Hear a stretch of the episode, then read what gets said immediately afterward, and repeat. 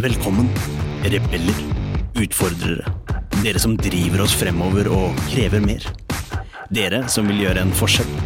Skape magiske arbeidsplasser med lykkelige mennesker som skaper produkter som kunden deres elsker. Men 75% av nordmenn føler lite eller ingen engasjement i jobben sin. 94% av ledere sier jo at smidighet og samarbeid er kritiske faktorer for at deres organisasjon skal lykkes men kun 6% av dem mener selv at de er smidige. Dette er podden som vil inspirere, gi deg konkrete tips og verktøy som vil hjelpe deg med å skape endringsdyktige organisasjoner med høyt engasjerte og motiverte ansatte som lager uslåelige produkter. Med Smidigcoachen, kurs- og foredragsholderen Ida Kjær ved sin side har hun kurs- og foredragsholderen, smidigtransformatøren og topplederen Tobias Falkberger. Sammen har de over 20 års erfaring med å jobbe i og lede smidige team og organisasjoner. Nå kjører vi! Hei, og velkommen til en ny episode av Smidigpodden. I denne episoden så har vi besøk av Heidi Nyhelten, som er Chief People and Culture Officer i Amesto Tech House. Og temaet for denne episoden det er hybrid arbeidshverdag. Det er noe vi alle har kjent på de siste årene, men hva nå når Norge har åpnet opp og loven ikke lenger dikterer hva og hvordan ledere skal lede, og hvordan selskapet skal organisere arbeidshverdagen? Hvordan skal arbeidsdagen se ut for medarbeidere? Hvilke muligheter har hver enkelt til å styre sin egen hverdag? Og ikke minst, hva sier disse valgene om en organisasjon, og ikke minst ledelsen?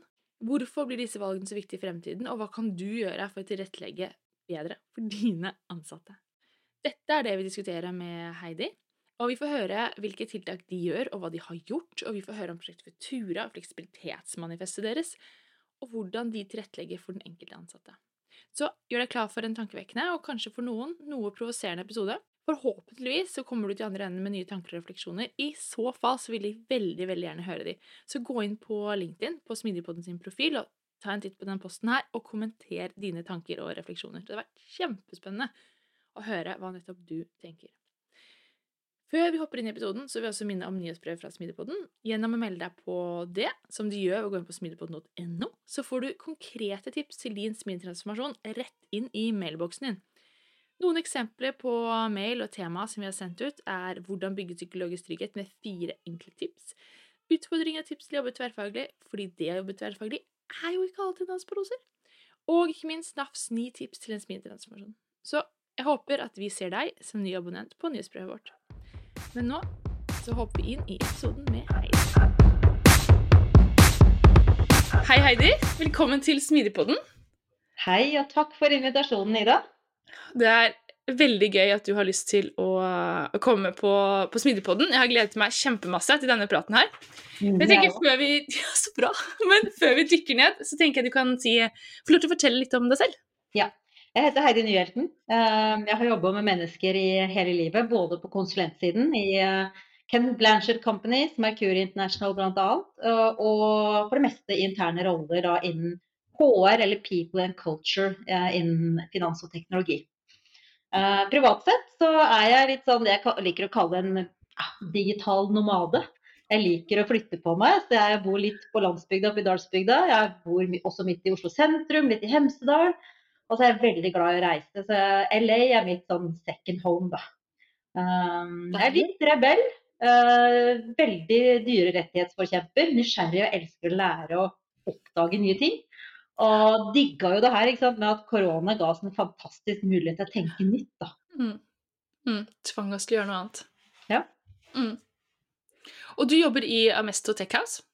Det gjør jeg. Uh, Amesto Tech House er jo en del av Amesto Group. Vi er eksperter på business software, altså ERP, CRM og BI. Uh, og vi har team og kontorer spredt ut i hele Skandinavia. Så, men, men hvorfor jobber du da med det du gjør? Og det er jo kanskje enda viktigere spørsmål ikke sant, enn hva jeg Mm. gjør. ja, kan si. Eh, Ida, jeg mm, ble på et tidspunkt eh, eh, klar over at vi tilbringer et sted mellom 60 og 90 000 timer på jobb i løpet av livet. Det er ganske mye. Um, ja, det er veldig mye. Og så vet vi jo samtidig at kun 19% da, i Norge, og Mm. enda lavere i Europa, er engasjert i jobben sin. Og det betyr jo faktisk sant, at åtte av ti enten er uengasjert eller aktivt misfornøyd og forteller andre om det. Så sånn fra et businessperspektiv så Mm. er det jo ganske tragisk med, tap, eh, med tanke på lavere produktivitet, energitap, flere feil, sure kunder, mm. man slutter oftere osv. Mm. Eh, Men fra et medmenneskelig perspektiv så er det jo Jeg vil nesten kalle det en katastrofe. Eh, For Mm. om vi ikke har det bra på jobb, så vil jo det uansett påvirke de rundt oss. Familie, venner, lokalsamfunnet, storsamfunnet. Og til og med planeten vår. Mm. Uh, og så vet vi også at det er jo en sammenheng mellom depresjon og lidelser og, og hvordan vi har det på jobben, f.eks. Ja. Så mitt why og min passion er jo å skape de her gode arbeidsplassene som, gjør, som føles meningsfulle. Eh, og som gjør alle de timene vi bruker, verdt det. Det høres jo ganske fint ut. Ja, jeg syns det det, det, det det gjør i hvert fall at jeg orker å stå opp om morgenen og gleder meg til å gå på jobb, og at jobben føles meningsfull. Og så har jo vi også en eh, visjon som heter 'Life is now, work somewhere awesome'. Og det bidrar jo til å altså det å bidra å jobbe mot det målet er jo fantastisk. Da. Så jeg er jo ansvarlig for hele hva skal jeg si, ansattereisen fra, fra å tiltrekke til å beholde og utvikle til exit. Så, så det å skape si, en awesome opplevelse da, gjennom hele den reisen er det som er Mm. mitt mandat og min, Mm. mitt mål eh, i arbeidslivet i hvert fall. Det høres jo ikke ut som et dumt mål. Nei, jeg syns ikke det. Så tenker jeg at eh, vi er nødt som virksomheter og ledere til å gjøre det bedre, altså. Vi er nødt Mm. til å bidra til at eh, jobben oppleves mer meningsfull og verdt det. Livet er for kort, som vi snakka litt innledningsvis også om. Mm. Det er for kort å mistrives på jobb.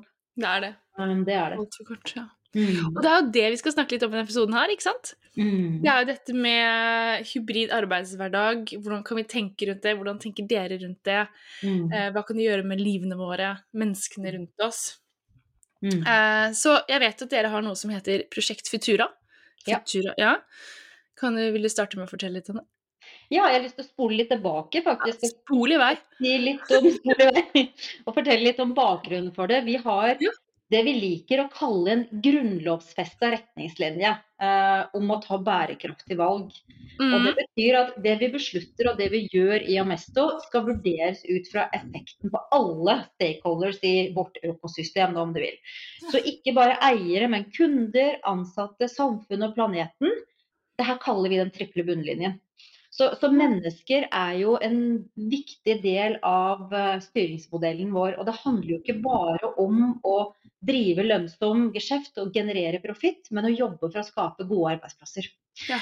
Så, så um, um, det, vi så, eh, det vi så pandemien som en mulighet til, det er jo å, å bruke det vinduet da, til å tenke nytt om, omkring arbeidsplassen. Ja. Ikke sant? Det var en, um, og ikke bare arbeidsplassen, også arbeidsrelasjon, arbeidskultur. Um, Jeg er jo historiker, så jeg syns det var utrolig spennende å få den muligheten. Um, og jeg vet ikke om du fikk med deg han Kjell Nordstrøm, han svenske futuristen som skrev den der boka 'Korona Ekspress'? Nei, Han nei, godt meg. Nei, ikke sant? Han sa det at pandemien den fungerte som en, nesten som en sånn tidsmaskin som slengte oss frem til 2030, kanskje 2035. Ja, ja. Um, og så er det jo masse ting underveis vi har sett at så mange som åtte av ti har retenkt eh, jobben i løpet av, li eh, av Mm. pandemien. Liksom, passet den inn i, Mm. passe jobben inn i livet. Um, sånn at verdiprioriteringene våre har jo endra seg i under og etter pandemien. Um, så, så det vi ønska hos oss, det var jo å tenke hvordan kan vi best mulig ha en kultur som er litt mer sånn fremtidssikra, da. Samtidig som vi våger å være litt pionerer. Så det var liksom bak, det bakenforliggende hvorfor vi startet det prosjekt Kultura. Mm. Um, det ble starta av uh, Arild Spandal, som er CEO i Amisto Group, um, Mhm. og en av eierne. Mm. Um, det ble startet da i mai 2020, så ganske tidlig. Mm. Um, så vi, eh, som er et, et selskap som har den visjonen som heter 'Life is now, work somewhere awesome', vi tok jo ikke denne Elon Musk-tilnærmingen med å Nei. kreve obligatorisk oppmøte på jobb så straks pandemien er over. Um, tvert imot så så vi det som en mulighet til å eh, være modig og tenke 'people first'. Fordi rett og slett, Ida, uten folka våre så klarer ikke vi å levere det vi skal ut hos kundene. Og uten kundene så har vi ingen eksistensberettigelse. Nei. Så Prosjekt Futura ble et sånt stort involveringsprosjekt. Eh, hvor vi hadde lyst til å lage kulturen sammen med folka våre, og ikke for. Um, og så er vi jo veldig på at vi skal ta innsiktsbaserte beslutninger. Uh, vi uh, gjorde en del service, vi gjorde en del pulser, intervjuer, vi inviterte andre virksomheter, vi satte noen arbeidsgrupper. Um, og det ble veldig fort klart da, at, um, at vi har veldig mange individuelle behov. One size doesn't fit all, eller som noen sa, one desk doesn't fit all. Så, og en annen ting var jo at vi ønska ikke enda et policy som beskriver hvor og når ikke sant? du skal være. Uh, vi har policy for reiseregninger og timeføringer. Uh, Vi ønska mindre og ikke mer byråkratisering og detaljstyring. Da. Så, så fleksibilitetsmanifestet skulle si noe om hva er det vi tror på, og hva Mm. er det vi ønsker å bygge kultur og selskapet vårt rundt. Mm. Um, så, så det går jo veldig kort da, ut på at eh, vi, vi tror på at flinke folk ønsker frihet, og at Mm. man tar ansvar. Mm. Uh, at ledere må jobbe tillitsbasert. Uh, at man må gi autonomi. Eh, at ikke folk liker å bli- fortalt hva de skal gjøre. Mm. Um, og tillit i bunn og grunn handler om å tro på det beste hos andre. Mm. eh, det å ha positive forventninger til hverandre.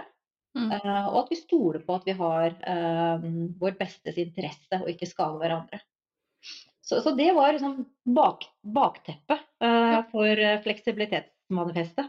Utrolig fine prinsipper. Men utarbeidet dere de prinsippene i samarbeid eller samhandling med, med ansatte? Mm. Mm. Mm. Vi hadde ulike workshops, vi gjorde en del undersøkelser, vi inviterte til diskusjon. Uh, og sammen fant vi da ut, til, uh, ut at uh, vi ønska å tilby en fleksibilitet som er så mye fleksibilitet som mulig. Det er retningslinjen. Eh, og det handler om fleksibilitet på lokasjon. Mm. Jobb er tross alt først og fremst noe du gjør, ikke et sted du drar til. Mm. Eh, det handler om fleksibilitet på tid. Mm. At vi i størst mulig grad selv kan disponere tiden uh, så langt det lar seg gjøre. Da. Um, selv om det kanskje kan være litt begrenset i en konsulentvirksomhet. Mm. Og så handler det om uh, Det siste er jo elementet er workation, hvor man har mulighet til å jobbe uh, hvor man vil en måned i året. Ja. Og så er det jo opp til teamene da, Mm. Og bestemme ut hva det betyr. Ja. Mm. Hva, dere ser, altså nå har jo um, jeg håper å si, ansatte hos dere har jo vært med på å utvikle det. Hva, Mhm. hva ser dere med når dere skal rekruttere? Så hva, hva er responsen på, på manifestet? Mm. Jeg, eh, vi opplever jo at det er faktisk ganske mange som tar kontakt med oss, og fordi at man har fått andre verdiprioriteringer i løpet av pandemien. Ja. Man ønsker ikke å gå tilbake til en jobb som man må være på kontoret, enten en sånn uh, 3-2-modell, eller du skal være på kontoret den og den dagen, eller du skal Mm. alltid være på kontoret. Så, så vi tror definitivt at dette er noe som eh, allerede gjør, men også i fremtiden vil være med på å gjøre oss til en mye mer attraktiv eh, arbeidstaker. Um, hvis vi ser på litt, sånn, litt yngre eh, arbeidssøkerne, da, eh, generasjon Z, som er i ferd med å komme ut i arbeidslivet nå, så, så vil jo de ha ja takk begge deler. Mm. De vil både ha fleksibilitet og frihet til å bestelle og bestemme, og så vil de også ha det sosiale fellesskapet på kontoret til, eh, tilbyr. Mm. Så jeg tror det at eh, fremtidens vinnere av arbeidsplasser er de som klarer å balansere det paradokset der, da. Ja. vi faktisk ville ha begge deler. Definitivt. Og Mm. det er jo en um, Jeg syns det er kjempefint at det kommer en gruppe mennesker som stiller disse kravene. Mm. eh, som våger å tenke litt annerledes, og pusher eh, arbeidslivet litt, kanskje, da. Jeg er enig i det. Så, Men vi har jo også, altså mange spør er det, er det fritt frem, er det anarki? Eh, og svaret på det er jo nei. Eh, vi har en 100 forventning til folka våre om at den enkelte må balansere egne preferanser opp Mm. mot hva teamet og kollegaene trenger, og Mm. kundens forventninger. Mm. Og så har vi kanskje sett etter hvert da, at det kan være lurt også å legge til en, um, en lokal dimensjon. Slik, fordi våre team sitter jo spredt utover hele Skandinavia. Så Ja. vi er jo per definisjon eh, digitalt først når det gjelder selve arbeidsoppgavene ofte. Men eh, det sosiale og behovet mange har for å treffe kollegaene sine, det, da må man kanskje ha en eh, lokal dimensjon på hva den fleksibiliteten betyr. Da. ja. Mm. da er det teamet selv som bestemmer hvordan og når de ønsker å møtes. Mm. Mm. Mm. Teamene. Og så mm, også, oppfordrer vi også til at eh, kontorene Um, Mm. eh, setter seg ned og diskuterer. F.eks. de små kontorene, som vi har et lite Larvikskontor og et lite kontor i, i Kristiansand. Mm. Så da kan det være hensiktsmessig at de som sitter på det kontoret, eh, diskuterer hvordan vi skal gjøre det, og hvordan vi skal gjøre det sosialt. Um, vi har f.eks. Um, eh, sosiale, et sosialt budsjett som styres 100% av ansatte. For å Ja. gjøre ting sammen, da. Ikke sant? Ja. Mm. For det er jo noe med eh, at folk kommer inn på kontoret fordi man har lyst, og ikke fordi man må, da. Nettopp. Og det er her jeg syns det er så viktig å skille på. Altså sånn Mm. Eh, Ja, man skal virkelig ha lyst til å komme inn på kontoret, da. Mm. Og det er da du klarer å skape de gode eh, effektene av det å være sammen. Yeah. Vi snakket jo om det innledningsvis. Hvordan er det du bygger kultur? Mm. Du bygger ikke kultur bare fordi du møtes for en kaffemaskin. Du må bygge det rundt noen verdier du har. Mm. Mm. Da må du faktisk ønske da, å komme inn. Mm. Ja, jeg er helt enig i det. Så En annen viktig uh, dimensjon uh, hos oss uh, når det gjelder, når det gjelder fleksibilitet, er jo det her med bærekraft. Og, og, for det er klart at vår fleksibilitet Vi ønska at vår fleksibilitet og vår nye normal skulle være forankra i People, Planet, Profit, som den triple bunnlinjen vår er. mm. Uh, og uh, den, den, en, en fleksibel arbeidsplass handler jo i veldig stor grad om sosial bærekraft. Altså Mm. det å ha selvbestemmelse f.eks. i eget liv i større grad. Mm. Det at man har mulighet til å flytte ut av byen. Eh, kanskje man kan øke livskvaliteten. Kanskje kan man få en, en bedre bolig. Um, Mm. Kanskje kan jobben passe litt bedre inn resten av livet når man får barn og andre perioder i livet. Kanskje er det slik at man har foreldre som er gamle og syke, som man har lyst til å være mer sammen med. Um, men også tiden, altså, Ida. Um, hvis vi leker oss litt med tall ikke sant? og sier at Mm. Det tar i hvert fall 30 minutter fra jeg tar døra hjemme til jeg sitter på pulten min, det gjør den i hvert fall uansett hvor man bor rett ved jobben, ja. så bruker du faktisk 230 timer i året på pendling, altså. Vet du hva, det her er så interessant. Tobias, jeg har snakket så mye om det her. Mm. Uh, og det er jo noe av det som, um, som virkelig vi begynte å tenke mye på under pandemien. Akkurat det, Hvordan vi bruker tiden vår? Eller det har vi tenkt på mye før, Mm. men uh, under pandemien så er det sånn ah, Hvordan vi egentlig bruker tiden vår? Og til og fra jobb, det er jo egentlig helt meningsløs tid.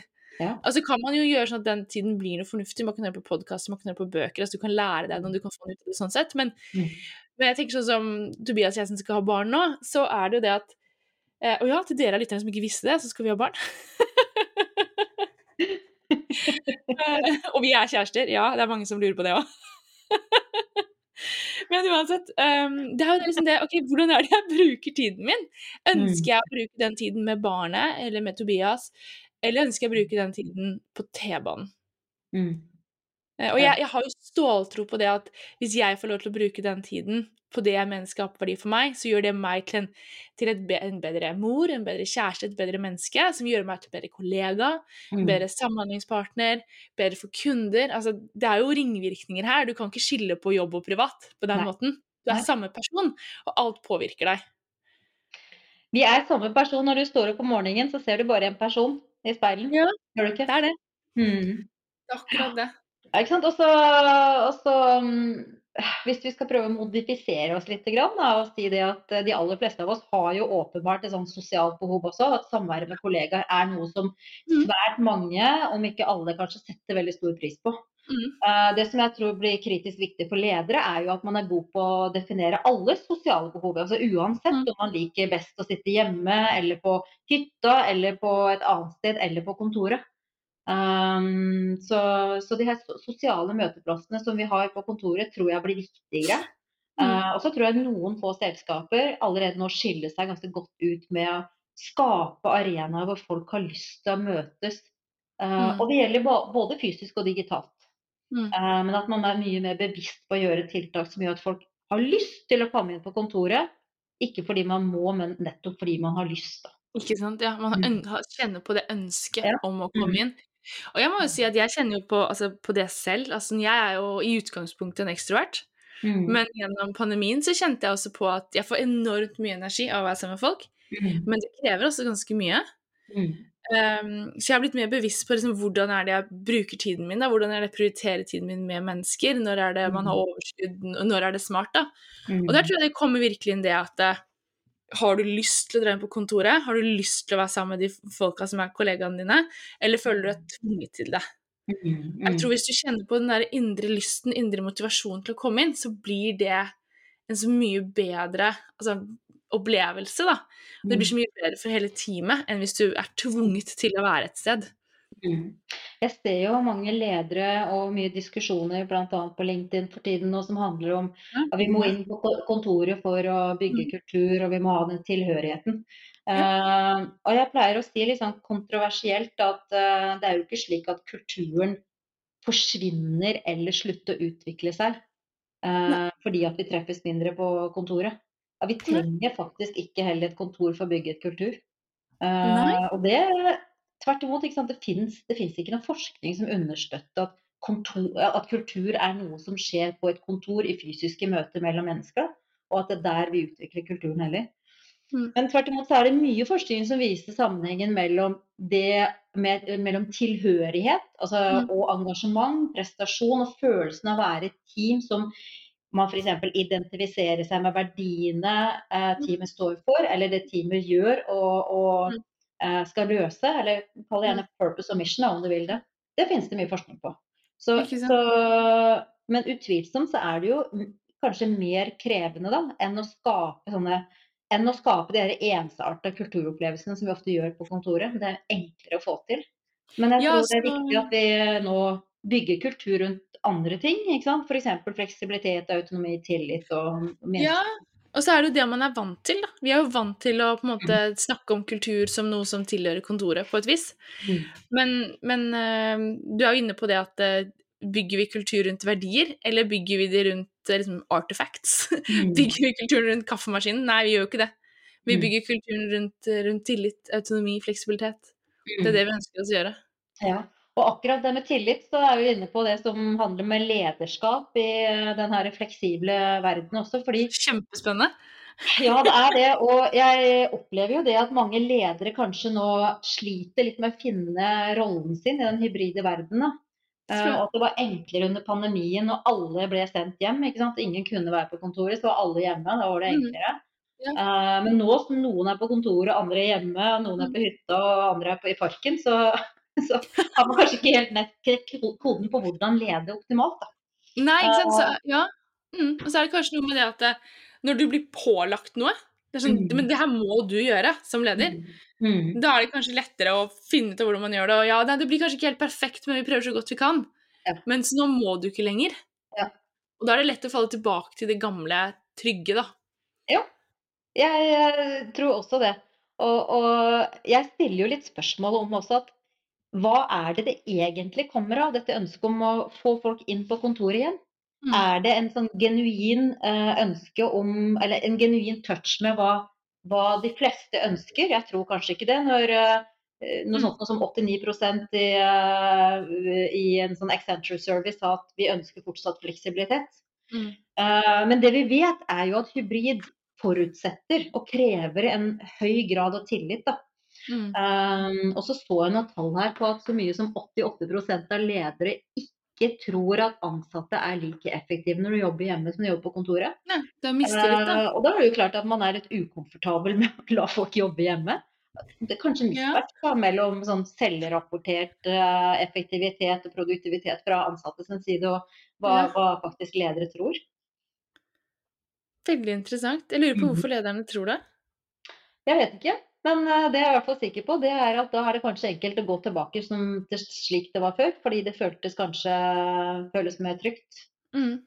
Eh, men jeg tenker først og fremst at det handler på, i bunn og grunn altså mangel på, på tillit. Mm.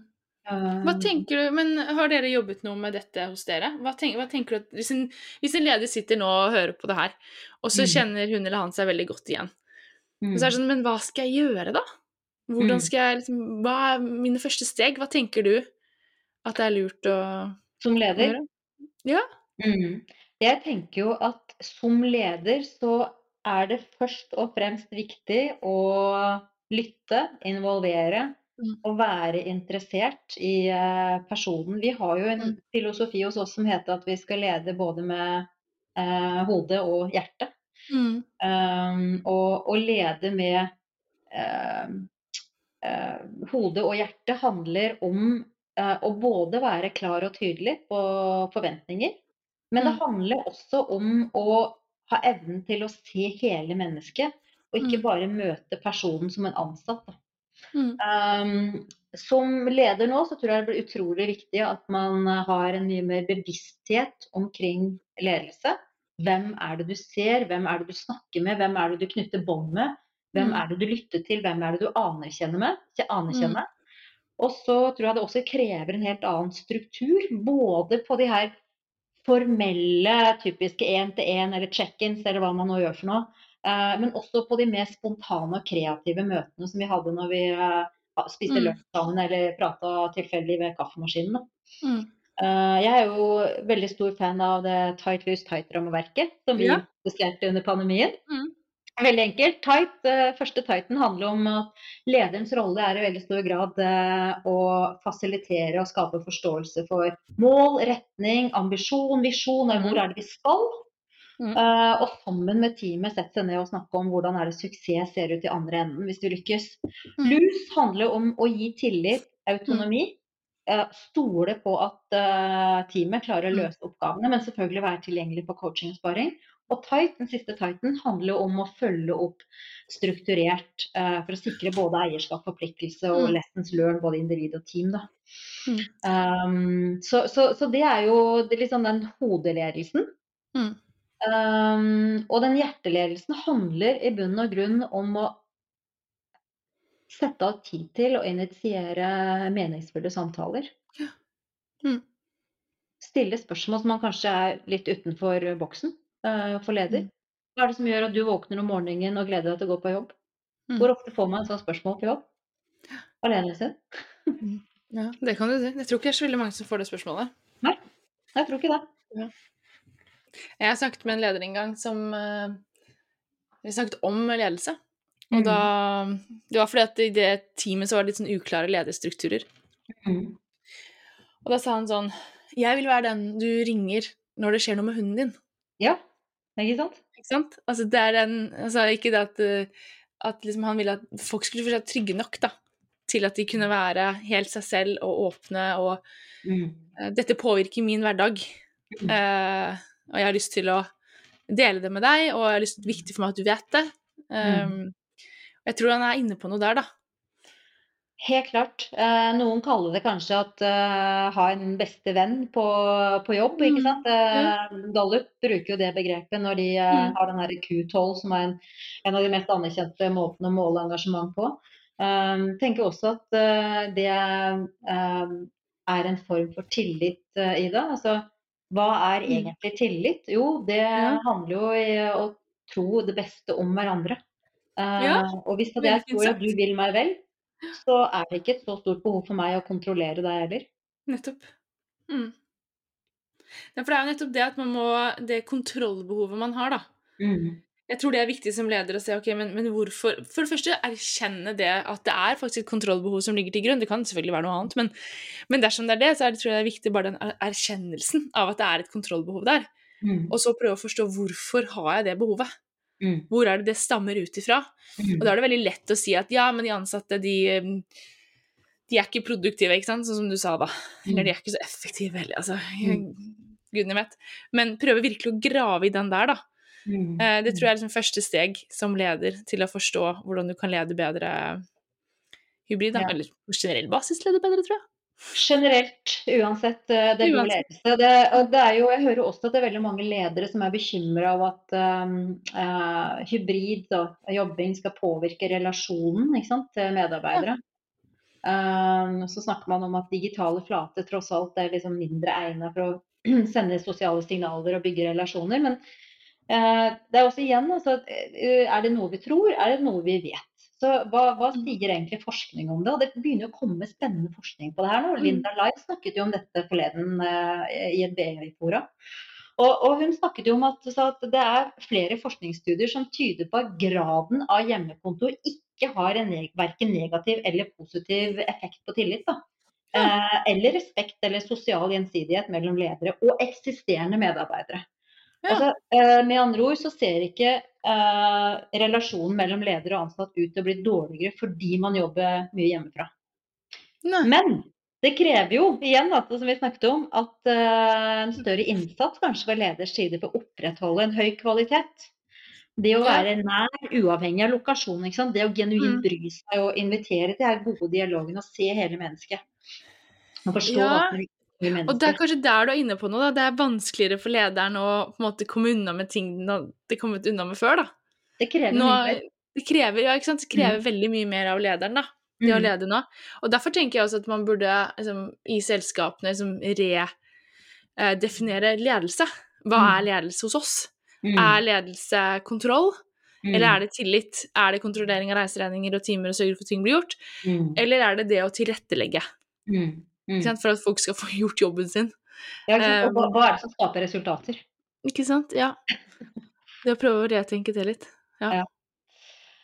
Hva tenker du om eh, det her med samarbeid og læring da, i eh, en hybrid eh, verden? Er det vanskeligere? Er det lettere? Er det det samme? Hva, hva krever det av oss, tenker du? Men jeg synes det var kjempespennende at du begynte å snakke om det, fordi at um, jeg har coachet en del team som, um, som er hybride.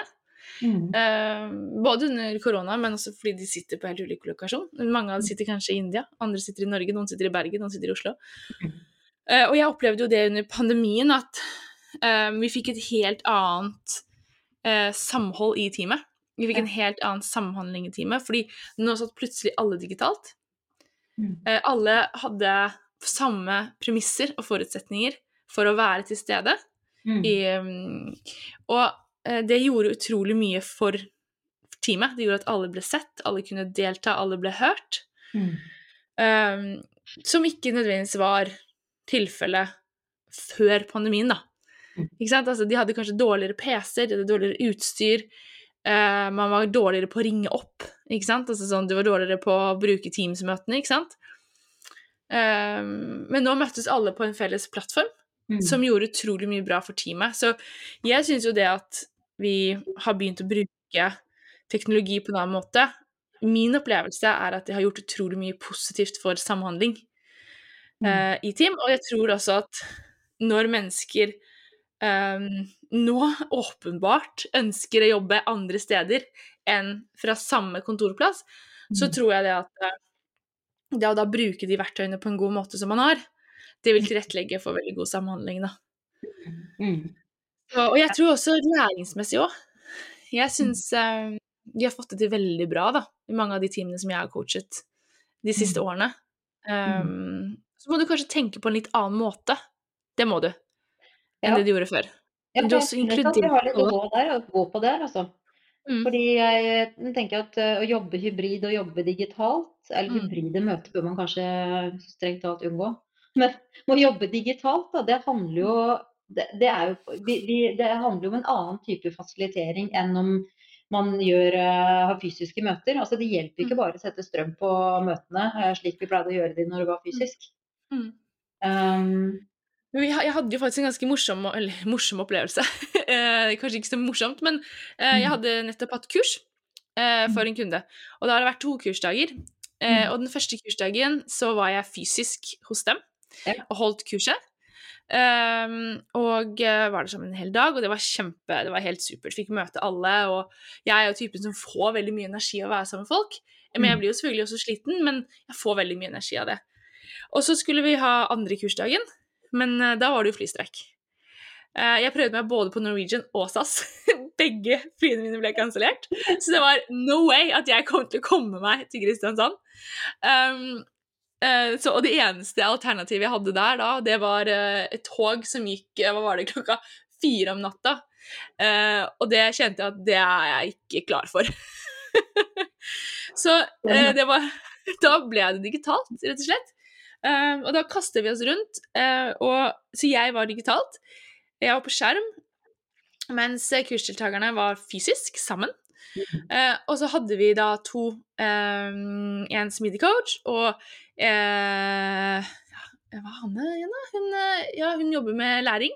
De, I hvert fall de to coachet eh, teamet. Mm. Eh, coachet de som var med på kurset. Og det funket egentlig veldig bra. Ja. Og det ble jo en sånn hybrid løsning.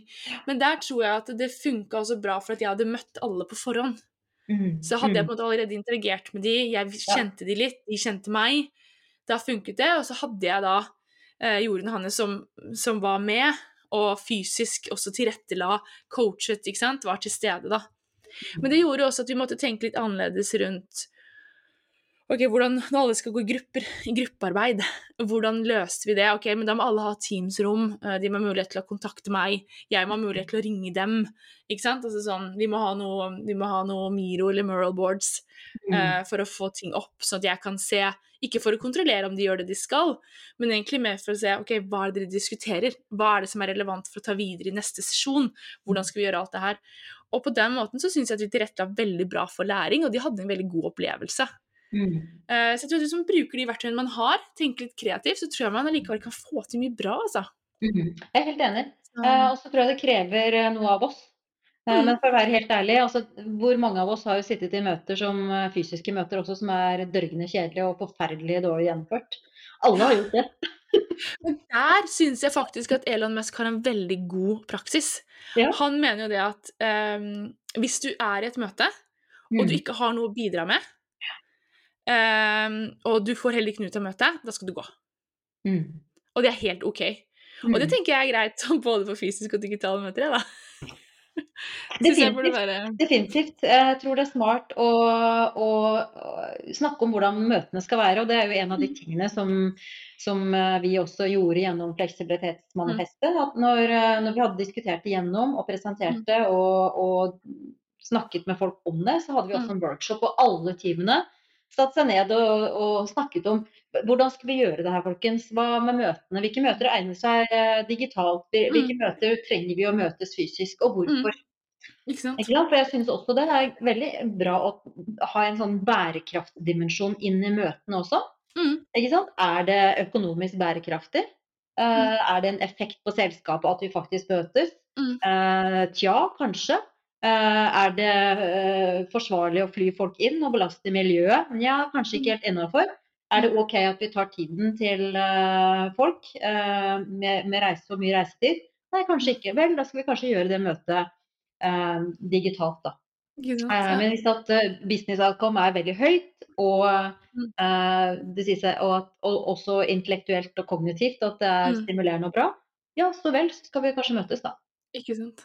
Men jeg må jo også si um, jeg tenker én ting som er viktig, som min erfaring også med digitale møter, da, bare for å kaste inn den litt kjapt, Mm. til lytterne, er jo det at eh, hvis man kjenner at digitale møter funker dårlig, Mm. så er et, et hot tips er å ha en veldig strukturert agenda.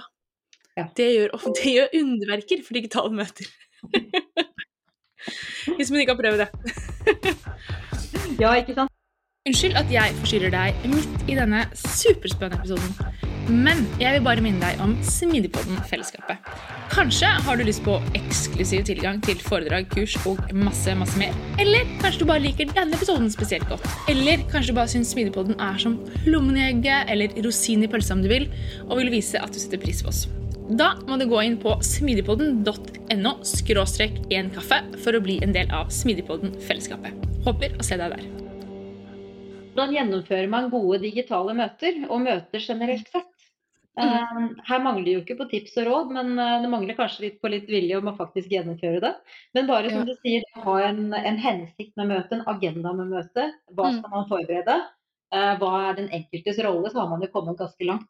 Mm, Og hvis man i tillegg da legger til hvordan skal jeg som møteleder sørge for at ordet fordeles på, på de som skal være med, og hvordan kan vi f.eks. bruke breakout rooms og litt sånn enkle ting, så har vi jo Mm. kommet ganske langt. Da, Ikke sant. Ja. Helt enig. Men eh, Heidi, hva om eh, man mislykkes? Med å bygge fleksible arbeidsplasser? Ja, det, det er jo et stort spørsmål. Eh, jeg tenker jo at det er ganske greit etablert da, at flertallet eh, ønsker en fleksibilitet fremover. Mm. Sånn noe sånt som 89% i nye Accenture mm. Et eller annet sånt. Mm. Og det er effektivt å jobbe hjemmefra. Mm. Uh, og, og, de aller fleste ledere har jo også anerkjent hvert fall et ønske da, om fleksibilitet, og at det er her for å bli. Um, og så er det det her tilliten som vi snakket om, som jeg tror også gjør at noen ledere, sånn som Elon Musk da, og Howard Schultz også i Starbucks, sier at nå må folk komme tilbake til kontoret. En av mm. de sier at de som ikke kommer tilbake, de kan finne seg en annen gjøre. Og han andre, i, Howard Schultz, som ber på sine knær, vær så snill. Og så kommer de ikke allikevel. så, så, spørsmålet er litt sånn hvilke konsekvenser kan det få hvis vi ikke lykkes? Og, og, jeg tenker eh, for det første, man er ikke en attraktiv arbeidsplass. Vi klarer ikke å beholde folk. Um, pandemien har gjort noe med oss, altså. Mm. Eh, åtte av ti av oss vurderte om jobben passa inn i livet. Uh, og vi har fått helt andre verdiprioriteringer og forventninger. Um, jeg hørte noen snakket om det her med at uh, jobben har en ny worth it equation. Ja. Uh, det må være verdt det å komme på jobb. Mm. Uh, og en av de mest brukte søkeordene på jobbsøkerportalene er også hjemmekontor, som uh, finn.no sier. Jeg tror det blir veldig vanskelig å tiltrekke seg kandidater i et stadig mer krevende arbeidsmarked, hvor uh, war for talent og en akutt mangel på kompetansetilgang mm. er situasjonen for veldig mange, spesielt for oss i tech, mm. men også andre. Og så Eh, så tror jeg både at eh, de som er godt voksne, boomers, Gen Z, som jeg tilhører, millennials med barn og nye generasjon Z, mm. faktisk i stor grad forventer det. altså. Så jeg tror det at eh, Og det å forstå ønsket om å både være del av et sosialt fellesskap i jobb, samtidig som forventer frihet og fleksibilitet, er en forutsetning. Mm. Så tenker jeg hvis vi mislykkes med det, Ida, så går vi jo glipp av en historisk mulighet til å gjøre noe annerledes. Dette har vi fått oppi hendene våre. Use it! ja, jeg, er 100% enig. Jeg mener jo at uh, altså, Vi har jo bygd mange av strukturene våre. Mm. Organisasjonsstrukturene våre er jo bygd rundt veldig gamle mm. eh, mekanismer. Mm. Eh, som vi har på en måte tatt med oss fra industrialiseringen. Som ikke gir noen mening, i hvert fall i kunnskapsorganisasjoner. I stor grad, da. Nei, vi, vi, ser jo på organisasjoner som maskiner hvor vi snakker om input, output, efficiency, utilization. ikke sant? Mm. Mennesker som ressurser. Mm. Det er en måte å se på det som maskiner, og ikke for en, mm. en, en, en organisk uh, enhet. Mm, jeg tror det, altså for å svare den konkrete mm. spørsmålet ditt, at arbeidsgivere som ikke tilrettelegger for en fleksibel mm. bruk av, eh, av hvor man jobber, hjemmekontor eller hyttekontor eller hvor det nå er, Eh, de kommer til å bli eh, mindre aktive, og de kommer til å miste eh, mm. De kommer til å gå glipp av medarbeidere med, med verdifull kompetanse. Um, jeg tror også, ja. Og så er det dette her Du var litt inne på dette med tid. Mm. Uh, og det ser jeg jo Tobias og jeg har snakket mye om tid som konsept uh, mm. I løpet av mange år, men jeg, det er jo noe som også begynner å komme mer og mer og mer, ser jeg, spesielt på LinkedIn. Folk begynner å snakke om tid, hvordan bruker du tiden din, hva er mm. tiden din verd, osv. Og, Og jeg syns det var veldig interessant jeg snakket med, med min leder, uh, hun og rundt dette med å få barn da, uh, og mm. jobb. Og hun var veldig på det at men tiden er en, en pott, liksom. Du har en bag. Mm. eh, og det skal være verdt å gå på jobb. Det skal være verdt å ta den tiden og bruke den på jobb istedenfor å bruke den på, på barnet ditt. da. Mm. Eller på mannen, kjæresten, kona, hvem det skal være, da. Mm. du skal føle at ja, men det her var verdt det. Mm. Um, og jeg tror det er flere og flere og flere som begynner å tenke på den måten. Mm. Um, og da tror jeg man også som, ikke sant, da passer det bedre inn med andre måter å strukturere hverdagen på, da, om man kan si det sånn. Ja, altså alternativet er jo å si det bestemmer jeg fordi at jeg er arbeidsgiveren din. Det er den alternative måten. Jeg tror ikke det er levedyktig i vår del av verden, og spesielt i bransjer som, er, som det er vanskelig å få tak i folk. Jeg tror at man er nødt til å forholde seg til at den egentlige sjefen er, er uh, morgendagens medarbeider, altså. Ja, og så er det en utrolig gammeldags måte å tenke, da. Du tenker at liksom, ja, men arbeidsgiveren skal bestemme. Mm. Det, er et, det, er ikke, det, er ikke en, det, er ikke et, samarbeid mm. eh, mellom eh, arbeidsgiver og arbeidstaker. Mm. Det er liksom et 'vi bestemmer over deg'. Mm. eh. Og det, det minner meg veldig om sånn når, når jeg snakker med folk som skal søke jobb. Mm. Um, og når jeg er på andre siden av bordet og rekrutterer, så er det veldig sånn Veldig mange tror at selskapet Ja, men jeg skal liksom eh, Å, du er heldig som får jobbe her. Ja, det er du kanskje. Men jeg er også heldig som får deg. Ja. Du skal også bestemme at du har lyst til å jobbe der. Og det er Mm. litt den derre toveis som jeg føler at veldig mange nei, arbeidsgivere glemmer, da. Mm. Også i den situasjonen her. De mener at de kan bestemme. Mm. Ja, de har, de har rettigheter til å bestemme, men er det riktig? Mm. Ja. Fordi at man har en makt til å bestemme, så er det ikke dermed sagt at det er riktig. Jeg tror at de som vinner, er de som evner å sette mennesket i sentrum, da. Uansett Ja. om hvor de befinner seg, om det er kontoret eller hjemme eller på fjellet eller park eller kafé eller hvor det må være. Mm. Så for, fordi, eh, i hvert fall for oss og i vår bransje og vår situasjon, jeg tror for mange andre, for de aller fleste, så er det jo slik at hvis ikke vi klarer å rekruttere og motivere folk, så vinner vi heller ikke i fremtiden. Vi klarer ikke å levere, levere det vi skal gjøre ut hos kundene. Ikke sant. Enkelt og greit. Men du, strålende. Skal vi gå inn på de siste fem spørsmålene, eller? Let's For det her, det her er jo kjempespennende. Vi kunne sittet og snakket i all evighet, vi. Og nå har vi ikke Tobias til å, til å strukturere tiden, men jeg gjør det selv. Ok, Hva ville du fortalt 20 år gamle deg selv? Og det er jeg helt klar på. eh, Og det er å tilbringe mer tid med de menneskene som betyr mest for meg. Mm. Uh, På et tidspunkt så er det for seint, og du vet aldri når det tidspunktet kommer. Nei. Mm. Veldig fint tips. Hva mener du kjennetegner en god leder, da? Nå har vi jo snakka mye om det, men du kan eh, Leder med hode og hjerte. Det å sette, sammen sette mål, uh, gi tillit, autonomi, uh, følge opp, Uh, lessons learned, koble tilbake til mål. Og lede med hjertet, se mennesket, Mm. ikke bare en ansatte. Ja. Eh, det betyr eh, å involvere, skape trygghet, stille spørsmål, være genuint interessert. Mm. Eh, for jeg tror at dersom du klarer å gjøre det som leder, så har du en fantastisk mulighet til å påvirke andres Mm. liv. Tenk for en mulighet ledelse gir, altså. Helt utrolig. Det er det. Jeg er helt enig. Og så er det spørsmål tre. Hva vil du gi som tips til de som ønsker å etablere en mer endringsdyktig eller smidig kultur? Da har jeg tre tips. Tips Ja. 1. Start alltid med hvorfor, the why, før Ja. hvordan, the how. Still spørsmål hvorfor er det viktig, hva Mm. prøver dere å oppnå i det lange løp, på hvilken måte kan det være fordel, osv. osv. Mm. Tips to. Eh, ta beslutninger basert på innsikt. Ikke bruk magefølelsen, synsing eller sjefsavgjørelser. Involver folk.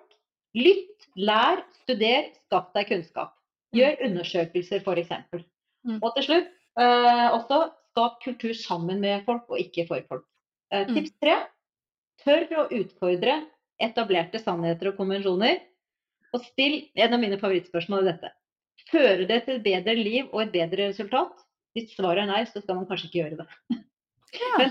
Men, men bruk altså motet som vi har opparbeidet oss under pandemien til å tørre å eksperimentere. Da. Tørre å prøve og feile og justere. Vi Mm. trenger ikke å vite alt om terrenget før vi legger ut på turen. Uh, alt trenger ikke å være perfekt fra start. Og, og for guds skyld, ikke fall for fristelsen med å ta tilbake styring og kontroll fordi noe ikke virker som du kanskje trodde i utgangspunktet. Nei. Eh, og så har jeg lyst til å legge til en ekstra oppfordring til alle mine HR-kollegaer der ute. Kjør på. Vær litt rebell, gjør en forskjell. Det rimte litt òg, gjorde det ikke? Faktisk. Og så, så hvor vi starta i det, var jo at uh, vi har uh, For husk at vi har kun ett liv, altså. Og i det livet skal vi bruke 70 80 90 000 timer på jobb. Eh, la oss jobbe for at eh, det er verdt alle de timene. Helt enig. Helt, helt enig. Har du noen bøker, lydbøker eller podkaster du vil anbefale? Massevis. Jeg har Ja. bedt om maks tre. Så her er maks tre. Um, jeg må jo anbefale Netflix, No Rules Rules. The Rules den er jo en stor inspirasjon på, til fleksibilitetsmanifestet. Mm. Uh, egentlig så holder det med å lese slidedekket på 125 sider. Egentlig vel så bra, kanskje enda bedre. Uh, tips to, Humanocracy uh, av Gary Hamill. Mm.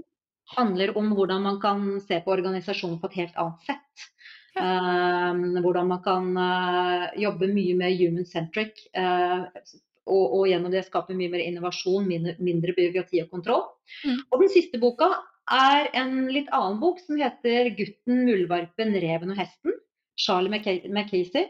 Ja. Um, tenker at Noen ganger så trenger man ikke en tjukk bok, men bare en som stimulerer til litt sånn refleksjon og ettertanke. Så det er sånn en tegnet og fortelling med bitte lite tekst. En vakker fortelling som handler om verdier og livsvalg. Men du så Ja, unnskyld jeg avbryter, men det her er fantastisk. For jeg var eh, på bokhandelen her eh, Altså, jeg elsker bøker. Var på bokhandelen, kjøpte meg en bok, og da så jeg faktisk denne boken. ja, Og så tenkte jeg sånn, ah, men den her så veldig koselig ut, tenkte jeg. Ja. Og så tenkte jeg sånn, ja, men det er jo ikke den boken jeg skal ha akkurat nå. Eh, så jeg satte den tilbake. Men nå tror jeg søren meg jeg skal gå tilbake og så skal jeg kjøpe den boka. Gjør det, altså. Den ligger på bordet på stuebordet mitt hele tiden. Det var for øvrig en julegave for sjefen. Elsker den. Ja. Den er flott. Så koselig. Jeg tenkte jeg leser, Hva har disse til felles, tenkte jeg nesten så- på forsiden på Merkelig bok. Morsomt. Spennende. Eh, har du noe du leser akkurat nå, da? Nå forsøker jeg å komme gjennom uh, Reinventing Organizations. Mhm. Du har lest den. Mm. Hva syns du? Jeg liker den veldig godt. Nå er det en stund siden jeg har lest den, da. så jeg Mm. har, på, jeg har på blokka å lese den på nytt. Det er liksom å friske opp litt. Ja, den er, det, det, jeg syns det er sunt å lese bøker som uh, har et helt annet perspektiv på ting, som virkelig tvinger man til å tenke annerledes, og, og Mm. hvor man kanskje blir utfordret til å forkaste det man tror på som etablerte sannheter. Uh, en annen som jeg holder på å lese, er uh, 'Remote Not Distant'. Det er en veldig sånn praktisk bok på hvordan bygge kultur eh, hybrid. Mm. Spennende. Jeg leser jo boken til, eh, som kollegaen din Lars eh, anbefalte. Ja. Eh, 'Utopia for Realists'. Ja. Det er den jeg har på Så jeg sitter og koser meg med om dagen nå. Ja, Så, så bra. så jeg plukker opp masse ting i podkasten, så jeg syns det er kjempegøy. Hva sa du? du, når du er hund, så er jo tipset å ha lydbok. Det er tipset. Det er tipset. Det er ikke dumt med lydbøker. Nei. Veldig fan av de. All right. Så siste spørsmål. Hvordan kommer man i kontakt med deg, eller om man ønsker å følge deg? Du skriver jo Det- masse lurt på LinkedIn, det var derfor jeg fant deg. Sånn jeg fant Ja. deg. ja, LinkedIn. Heidi Nyhjelten på LinkedIn. Ja. Send en melding der, eller send meg en melding til fornavn, punktum etternavn, at amesto.no. Ring meg. Jeg elsker å utveksle ideer og, og diskutere med folk, så gjerne. Be my guest. Strålende. Nei, men det er strålende, Heidi. Da skal vi linke opp på styreårene, vi. Gjør det. Så med det så er det jo bare å si tusen, tusen takk for at du ville komme, og si ha det bra til gjestene. Og Nei, til eh, lytterne, mente jeg. og og tusen takk for at jeg fikk komme, Ida. Det har vært kjempegøy. så bra. Ha det bra. Ha det godt. Jeg vil bare minne deg om Smidipodden-fellesskapet. Kanskje har du lyst på eksklusiv tilgang til foredrag, kurs og masse, masse mer. Eller kanskje du bare liker denne episoden spesielt godt. Eller kanskje du bare syns Smidipodden er som plommeegget eller rosin i pølsa om du vil, og vil vise at du setter pris på oss. Da må du gå inn på smidigpodden.no skråstrek en kaffe for å bli en del av Smidigpodden-fellesskapet. Håper å se deg der.